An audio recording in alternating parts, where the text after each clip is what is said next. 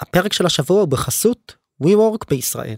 אני רוצה לספר לכם על תוכנית חדשה שהם השיקו כאן בארץ, שכל המטרה שלה זה לתמוך בסטארט-אפים, מאזיני ומאזינות הפודקאסט הזה, עסקים קטנים, ואפילו ארגונים חברתיים בתחילת הדרך. אז WeWork משיקה בישראל תוכנית גלובלית שנקראת WeWork Growth Campus, שזו תוכנית למען מיזמים ישראלים, שבסופו של דבר כוללת סבסוד של חללי עבודה.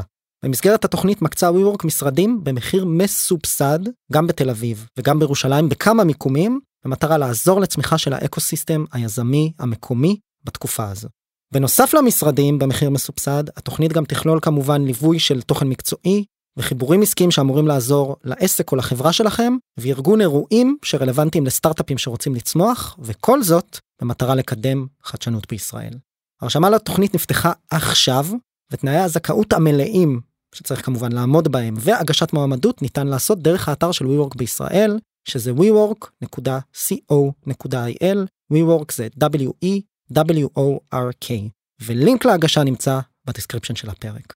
אז אם אתם עומדים בתנאי הזכאות ורוצים משרדים במחיר באמת מצחיק ואתם סטארט-אפים או מובילי עסקים קטנים או ארגונים חברתיים בתחילת הדרך תירשמו בלינק ב description שיהיה בהצלחה.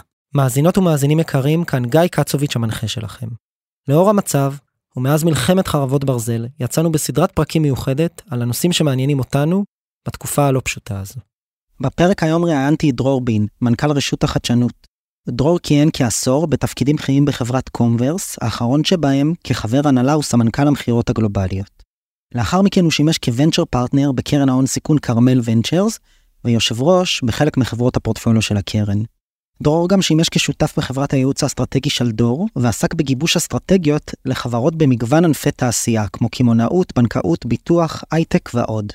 לפני תפקידו ברשות החדשנות, כיהן דרור כנשיא ומנכ"ל חברת רד, חברה אשר מובילה פתרונות גישה לרשתות תקשורת מהדור הבא ומונה מאות עובדים. בפרק עם דרור שוחחנו על מצב ההייטק הישראלי אחרי שנים לא פשוטות, קורונה, מיתון עולמי, מחלוקות פוליטיות פנימיות בישראל, סביב הרפורמה סלש הפיכה, וכמובן, המלחמה. כל אלו מציבים אתגרים בפני עתידם של סטארט-אפים ישראלים. דיברנו על תוכנית התמריצים המהירה שהשיקה רשות החדשנות בסך של 400 מיליון שקל, ואיך יזמים יכולים לגשת אליה ממש עכשיו. וכמובן, על הצעדים בהם עלינו לנקוט כאנשי תעשייה, משקיעים ויזמים, כדי לתמוך בתעשיית ההייטק בתקופה הקרובה ולשמור רציפות עסקית ותחרותיות, גם בזמנים מאתגרים. שתהיה לכם האזנה נעימה, ואם אתם יזמים או יזמות, אני מזמין אתכם להתעניין בתוכנית התמריצים של הרשות, כל הפרטים אצלנו ב description. דרור, מה שלומך? אה, שאלה מכשילה בימים אלה, אנחנו עוברים אה, ימים קשים. אני חושב שכולנו כעם וכיחידים אה, עסוקים בלעכל ולעבד את מה שקרה לפני חודש. וגם אנחנו בעיצומו של האירוע אז מחכים עוד למה שעוד עומד לפנינו. אבל בינתיים אה, לכולנו יש חובה אה, להמשיך ולפעול, וכל אחד למלא את תפקידו כדי לשמור את החוסן הלאומי שלנו. מהזווית שלך ברשות החדשנות, איך אתם רואים את אה, מצב ההייטק הישראלי כיום? אני אקל עליך אפילו, כי אני יודע שבסופו של דבר אתה, בנוסף לתפקידך, יש מעליך עוד הילה או, או חובה של עובד ציבור. אז אני שנייה אגיד את זה בתור מישהו שמתבונן מהמגזר הפרטי.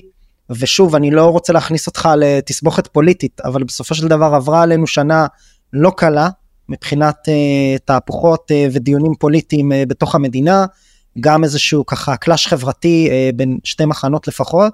לפני זה היה לנו את הקורונה וכל זה ברקע של uh, משבר uh, מקרו עולמי. ואז הגיעה המלחמה הזו, יזהר שי, השר לשעבר, היום משקיע הון סיכון, אני מניח שאתם מכירים, שכל את בנו ירון. זיכרונו לברכה, הגיע פה לפודקאסט ואמר, אמר המלחמה הזו היא הסערה המושלמת אה, לתעשייה שלנו. איך אתם רואים את זה? בואו נעלה רגע למעוף הציפור אה, של רשות החדשנות, איך אתם רואים את מצב ההייטק כיום מכל ההיבטים. כן, אז אני חושב שתיארת את זה היטב, אה, גיא. אה, האמת שקשה קצת לקרוא למשהו מושלם במה שקורה כרגע, אבל לכן זאת סערה מושלמת. אה, אנחנו בעיצומו של משבר כלכלי גלובלי. שגרם אה, עליית הריבית והאינפלציה ו- ועוד כל מיני גורמים אה, מקרו-כלכליים גרמו לירידה חדה בהשקעות ההון סיכון, וישראל נפגעה כמו אה, האבים אחרים בעולם. זו הסערה הראשונה שאנחנו נמצאים בתוכה, כמו שאתה גם אמרת, בתוך הסערה הזאת היינו בכמעט השנה האחרונה בתוך סערה פוליטית. שגרמה לאי יציבות ולהעלאת סיכון למשק הישראלי. תראה, לאורך כל התקופה הזאת, רשות החדשנות כגוף מצד אחד ממשלתי ומצד שני גוף עצמאי, מקצועי, כמובן לא נכנס לוויכוח הפוליטי, זה לא, לא מתפקידנו, אבל אנחנו בכל שלב שיקפנו גם לתעשייה וגם לממשלה את ההתפתחות של האקו-סיסטם לאור המשבר הפוליטי, ואין ספק שהמכה הגדולה מכולם זה המלחמה שפרצה לפני ארבעה חודשים. עכשיו שוב, ברמה קודם כל המנטלית, לכולנו קשה כבני אדם לראות מול איזה רוע אנחנו עומדים. אה, אבל אני חושב שמהר מאוד התעשתנו כעם וכיחידים, מספיק להסתכל על מאות היוזמות שממש צומחות מלמטה, שמתמודדות עם מגוון צרכים של העורף ושל החזית, ובתוך כך גם של ההייטק הישראלי, uh, אולי נדבר על זה בהרחבה בהמשך, אבל כמות היוזמות של אנשים, גם בארץ וגם בחו"ל, שדיברו איתי באופן אישי, ויש עוד הרבה דברים אחרים שלא עוברים דרך רשות החדשנות, על יוזמות לעזור לסטארט-אפים בכל מיני ממדים, זה מדהים, זה מחמם את הלב, זה מרגש, זה... ובעיקר זה מחזק, זה מראה את העוצמה שלנו כ... כאקו-סיסטם. לגמרי, לגמרי. אז אני רוצה פה באמת אולי קצת לדבר על אה, מצב האקו-סיסטם כרגע, בוא שנייה נסתכל על זה קר במרכאות. הגיעו אליכם כבר נתונים, או אתם יודעים לספר מה שאפשר לחלוק. מה המצב כרגע, אנחנו, איזה, איזה, מה אומדן, אני אפילו אהיה קצת נגטיבי ואגיד, מה אומדן הפגיעה של האירוע הזה בתעשייה? וסליחה שהשאלה קצת אה, עם הטיה מראש, הטיה שלילית. תראה, אין ספק שזאת פגיעה, אה, ואני מניח שגם בהמשך השיחה שלנו נדבר על אה, הפגיעה הזאת לעומת משברים קודמים, והאם גם הפעם ההייטק הישראלי יצא חזק יותר מהפגיעה הזאת או לא, אבל הפגיעה קיימת. אה, קשה מאוד להעריך את ההיקף שלה, כי אנחנו עדיין בעיצומו של האירוע. האירוע לא הסתיים.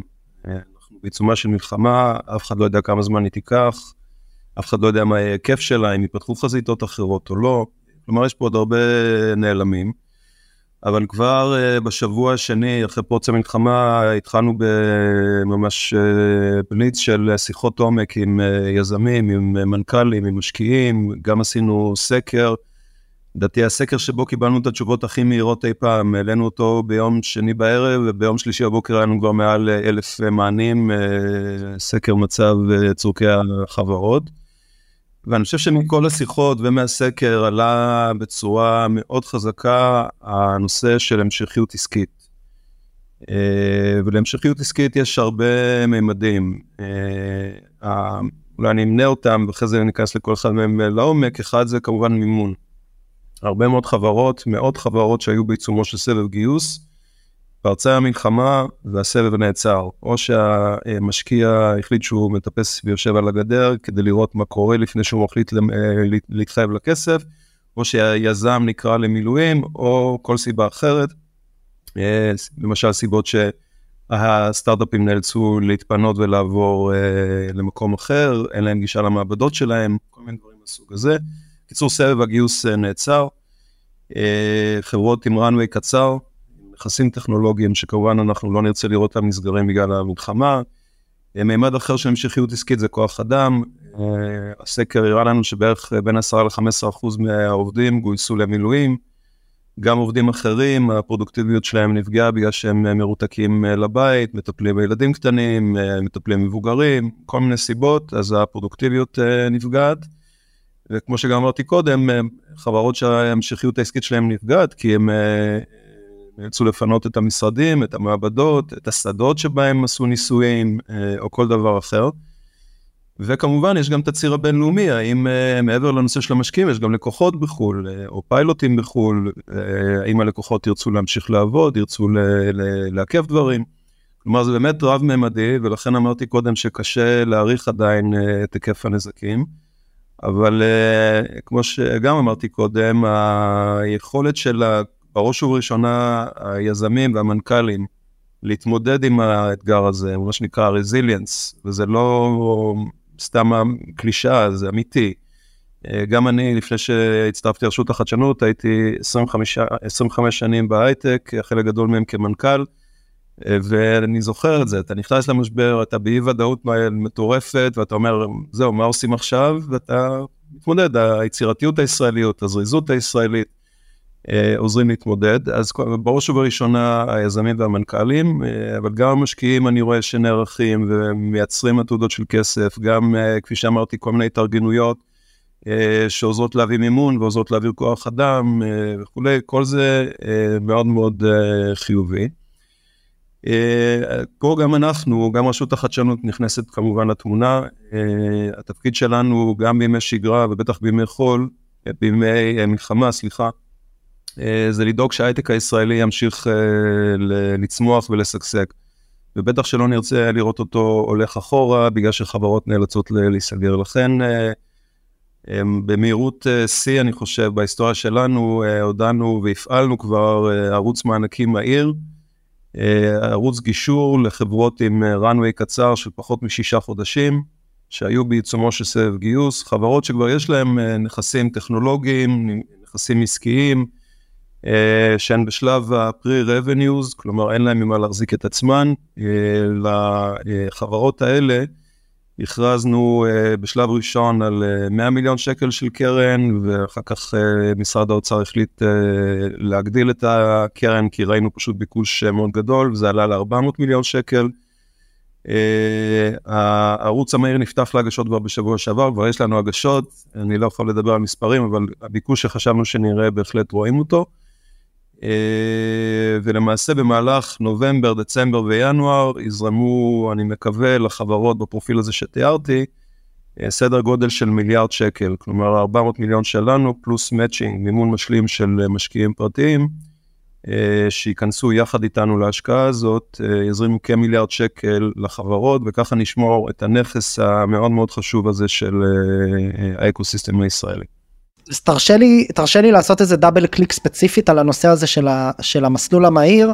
אז נראה לי שהצורך ברור ומה שנקרא קיבלתם פה החלטה כרשות החדשנות כמדינת ישראל כמובן אמרת משרד האוצר שהמדינה צריכה להתערב ובעצם לסייע לשוק הפרטי לסייע לחברות סטארט-אפ שיש להם כמו שאתה אמרת runway קצר מתחת לשישה חודשים לא יכולות להחזיק את עצמם המדינה תגשר במאצ'ינג של כסף פרטי. בואו נעשה double click על המסלול המהיר הזה, יושבות עכשיו יזמות ויזמים, מאזינים לפודקאסט הזה, האם אני מתאימה או מתאים אה, למסלול? בואו נהיה, בואו נתכלס את זה רגע. מה תנאי הסף? כן, אז uh, כמו שאמרתי קודם, uh, אנחנו מדברים על חברות עם uh, runway של קצר משישה חודשים. בוא נאמר בממוצע שלושה חודשים, אנחנו מבקשים uh, שיגישו לנו תוכניות שמאריכות את ה-runway בתשעה חודשים. כלומר, בממוצע אנחנו רוצים שהרנווי של החברות האלה יעבור להיות מעל שנה. אה, מה שיאפשר להם, בהנחה שהמלחמה תהיה מספר חודשים, לעבור את תקופת המלחמה ולצאת בלי לחץ אה, לגיוס של משקיעים. אה, מבחינת מי מתאים, יזם או יזמת עם רעיון, לא מתאים. זה לא המסלול הזה, יש לנו מסלולים אחרים שממשיכים להיות פתוחים, וכל יזם ויזמת מוזמנים להגיש אליהם ולקבל מימון. חברה שהיא כבר בשלב המכירות והצמיחה, גם לא מתאים. אה, יש עוד פעם מסלולים אחרים, דרכים אחרות אה, לסייע בשלבים הללו. אה, אנחנו מחפשים את אלה שבשלב הפיתוח, או ממש תחילת המכירות, כבר יש להם הוכחה טכנולוגית עסקית, כבר יש להם מוצר, יש להם נכסים, יש להם אגב גם משקיעים קיימים, ותכף נדבר על צד המשקיעים. הם, הם החברות שאנחנו רוצים להגן עליהם. עכשיו, יש פה גם משהו קצת tricky לגבי המשקיעים. בסך הכל אה, שנת 21-22 היו שנים שבהם אה, קרנות הון סיכון ישראליות גייסו המון כסף, יש הרבה dry powder בקרנות. ואם אנחנו נקבל הגשה של חברה שיש לה משקיעים קיימים, שיש להם הרבה כסף והם נמנעים מלהשקיע בחברה ולכן היא נאלצת אה, לבוא אלינו ולחפש משקיעים אחרים, זה מבחינתנו סיגנל לא טוב, אנחנו לא רוצים במירכאות להחזיק בחיים חברות לא טובות. אנחנו צריכים לראות שלפחות חלק מהמשקיעים הקיימים אה, אה, גם מאמינים בחברה ורוצים לשים אה, כסף. כמובן שאנחנו נשמח גם לראות משקיעים חדשים נכנסים, או חדשים בחברה, או אפילו חדשים בישראל, עוד יותר טוב. אבל שוב, המרכיב הזה של משקיעים ישראלים שיש להם כסף, צריך להיות גם בפנים. כמובן שיכולה להיות חברה עם משקיעים קיימים שאין להם בכלל כסף, או אנג'לים קטנים, או קרנות שסיימו את שלב ההשקעות, ואז זה בסדר, אבל חשוב לנו לראות שמי שיכול, אה, מסכן גם את הכסף אה, שלו, זה מבחינתנו סיגנל שהחברה הזאת היא חברה טובה. דרור, סליחה שאני קוטע, אנחנו, אז אנחנו רוצים בעצם מאצ'ינג uh, של דולר לדולר, נכון? אנחנו רוצים להביא מהשוק הפרטי פחות או יותר את אותו הסכום שאנחנו מקבלים מהרשות, ועוד שאלה נגזרת לזה, אם לא גייסתי כסף בכלל לפני, זה בסדר לעשות את הסבב הראשון שלי עם מאצ'ינג של הרשות? אה, כן, אז אה, ככה, קודם כל מבחינת המאצ'ינג אה, זה תלוי בפרופיל החברה. חברה, נקרא לזה במרכאות רגילה, יכולה לקבל מאיתנו בין 30 ל-50 אחוז מהסבב. חברה שמובלת על ידי אוכלוסייה בתת ייצוג, אחד מהיזמים הוא אוכלוסייה בתת ייצוג, זה או יזמת, או מהחברה הערבית, או מהחברה החרדית, יכול לקבל עוד 10 אחוז. אה, או מהפריפריה אגב, וחברה מעוטף עזה יכולה לקבל עד 75% אה, של הסבב. אז אנחנו מייצרים פה גם דיפרנציאציה, ובאותה הזדמנות רוצים לעזור לאלה שיותר קשה להם להגיע למקורות כסף אה, פרטיים. עכשיו, לגבי אם אתה חייב לבוא כבר עם הכסף או לא, אתה יכול גם וגם. אתה יכול לבוא אלינו עם הסבב, עם הכסף הפרטי, ואז אנחנו נסתכל ונחליט אם להשקיע או לא, אתה יכול לבוא עם חלק ממנו, אתה יכול לבוא בלי כלום, ותקבל מאיתנו אור ירוק, ויהיה לך אחרי זה חודשיים שלושה להשלים את הגיוס מה, אה, מהשוק הפרטי. זאת אומרת, כל האפשרויות uh, קיימות, אנחנו כמובן מעדיפים כבר לראות את החברה באה עם המימון המשלים, אבל זה לא, לא חובה. חוזר ומדבר על המעורבות של השוק הפרטי ועל הרצון שלכם לעודד בעצם את המשקיעים, אותנו, uh, to chip in דווקא בתקופה הזו. זה מה שאני קורא פה בין השורות. לגמרי. אה, כמה, מיל, כמה מילים על זה, היה לך אה, שיחות עם משקיעי הון סיכון, קיבלת סנטימנט אחר אולי? תראה, אתה נוגע פה בנקודה הכי חשובה. בסוף אנחנו מצפים פה לשיתוף פעולה של ממשלה ותעשייה. זה לא משהו שאנחנו יכולים להרים לבד. אמנם אנחנו עושים אה, תהליך אה, מאוד אה, עמוק של due diligence, אבל שוב, חשוב לנו לראות פה את ה handshake עם, עם המשקיעים הפרטיים. לשאלתך, כן, המון שיחות עומק לפני שהוצאנו את המסלול לדרך, וגם אחרי זה, רק אתמול היה לנו וובינר של משקיעים עם בערך 200 משתתפים. יש לנו שולחנות עגולים לפחות פעם ביום עם קבוצות של משקיעים כדי להסביר את המסלול, כדי לשמוע מהם מה, מה הם חושבים. אני חושב שיהיה פה מימון משלים. אני חושב שמרבית החברות יוכלו לקבל אה, מימון משלים, אה, ויש כרגע הבנה אה, בקהילת המשקיעים המורחבת, שזה רגע מכונן, שחייבים בו לחזק ולבצר את הנכסים של ההייטק הישראלי, ואני בטוח שהם ייכנסו למשחק. חושב שזה נכון לא רק למשקיעים הישראלים, עוד פעם, בשבועיים שלושה האחרונים אני חושב שעשיתי עשרות שיחות עם משקיעים זרים, שהם או LPs בקרנות קיימות, או uh, משקיעים בחברות ישראליות, או אפילו לא השקיעו בישראל עד עכשיו, ואותם אלה שבאמת יש להם, uh, נקרא לזה moral standards, ומבינים שזה מלחמה של uh, הרוע מול הטוב, רוצים עכשיו uh, להיכנס, חלקם אפילו בגישה פילנטרופית, חלקם כמובן בגישה עסקית, uh, גם אני חושב שמבינים ש... הולכות להיות פה הרבה מציאות, הרבה חברות מצוינות שנקלעו לאיזשהו סוג של מצוקה, יש פה הזדמנות עסקית. בואו בוא נקרא לילד בשמו. משיחות שלך עם משקיעים, גם בארץ וגם בחו"ל, אתה מזהה איזשהו שינוי סנטימנט לאורך השנים האחרונות? הרי בסופו של דבר, כמו שאמרנו, אנחנו מדברים פה על איזושהי תנועה כזו, אה, אפילו הייתי קורא לה, אפילו הייתי קורא לה קצת אה, תנועה מנוגדת, כי היה את כל ה... בעצם, אה, בוא נקרא לזה המשבר הפוליטי-חברתי שהתרגש עלינו בשנה האחרונה.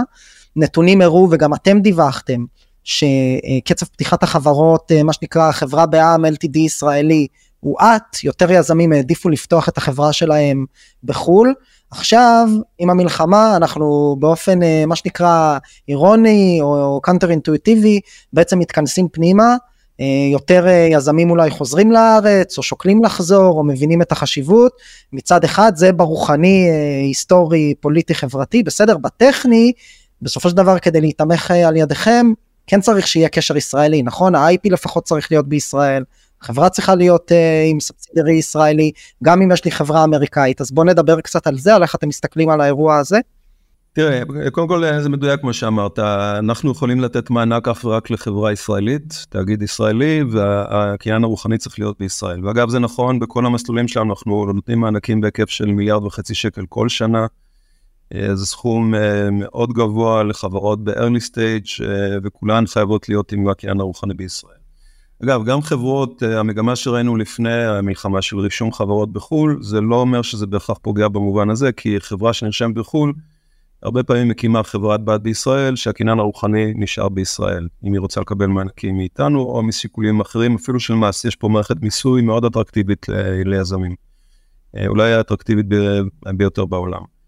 אז uh, המגמה שהייתה לפני המלחמה של רישום בחו"ל, היא לא מגמה שאהבנו בוודאי, אבל היא גם לא מגמה עם אימפקט כלכלי uh, גדול מדי בטווח המיידי, ואנחנו גם uh, נפעל אחרי המלחמה לשנות את המגמה הזאת. זה דבר אחד. דבר שני, אני חושב שכמו שקרה בחברה האזרחית, שלמרות הכיתוב הפוליטי והמאבקים, ברגע שפרצה המלחמה, כולם, כולנו התאחדנו ופועלים כדי לנצח במלחמה ולשמור על החוסן הכלכלי.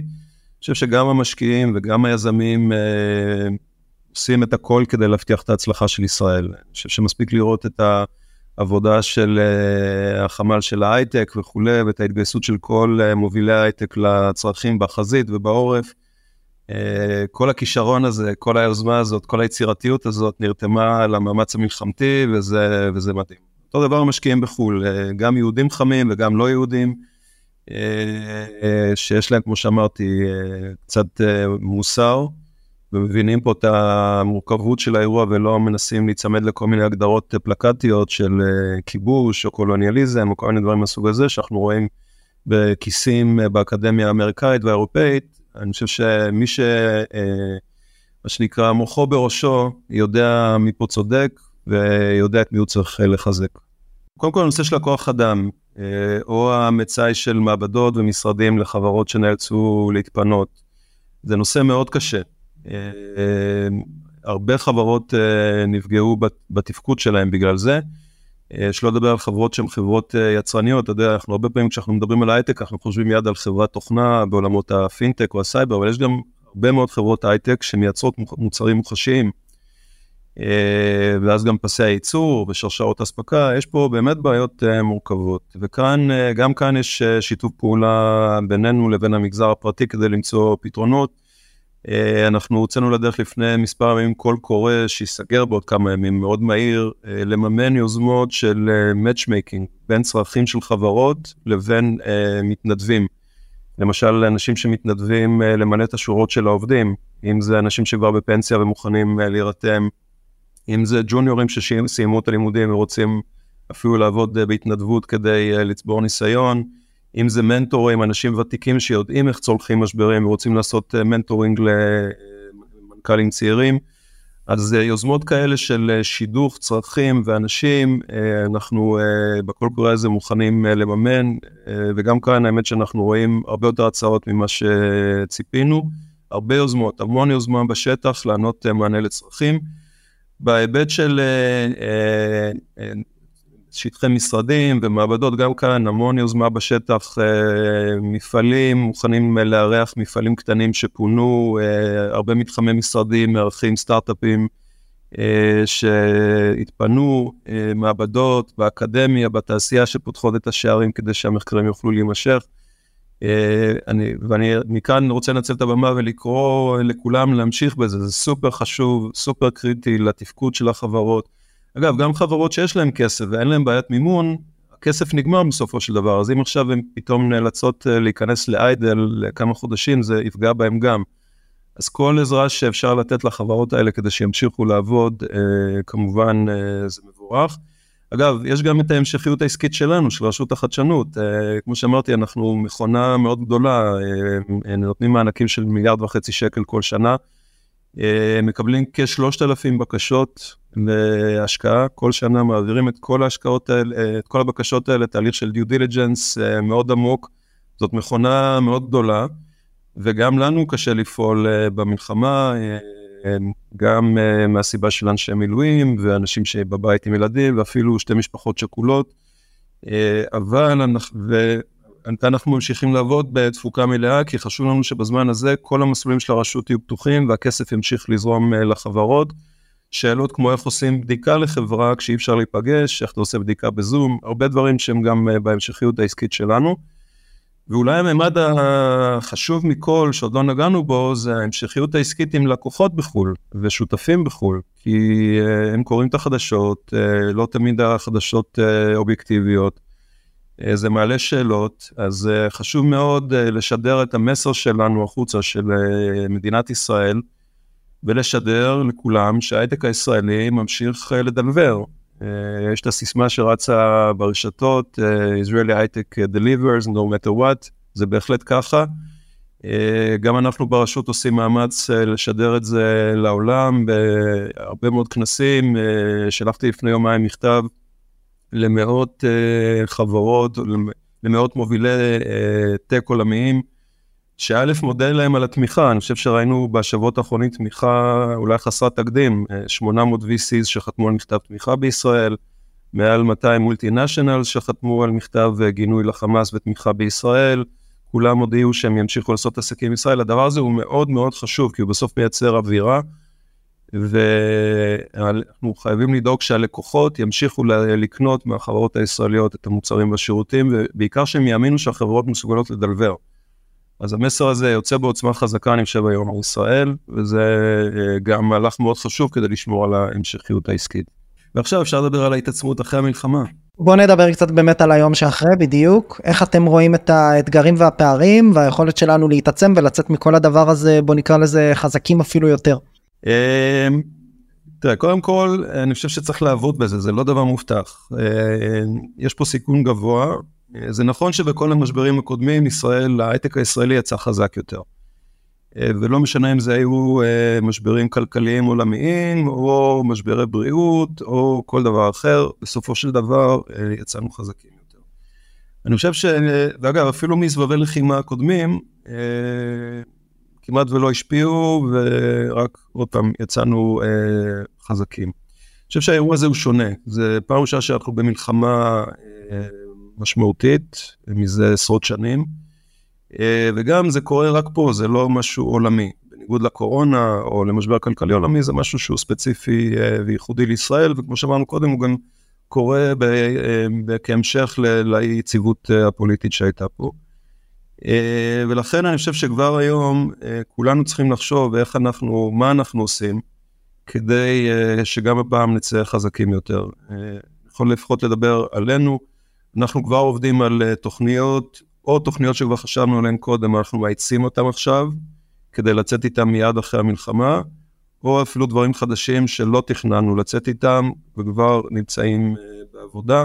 כאשר אנחנו מסתכלים על כל החזיתות, גם uh, חזית של השקעות, המשך השקעות והגדלת השקעות בתחומי הטכנולוגיות המפציעות, אנחנו מובילים ושותפים בכמה תוכניות לאומיות, לבינה מלאכותית, למחשוב קוונטי, לביו-קונברג'נס, אנחנו uh, נבטיח שהדברים האלה יימשכו ואולי אפילו יחוזקו.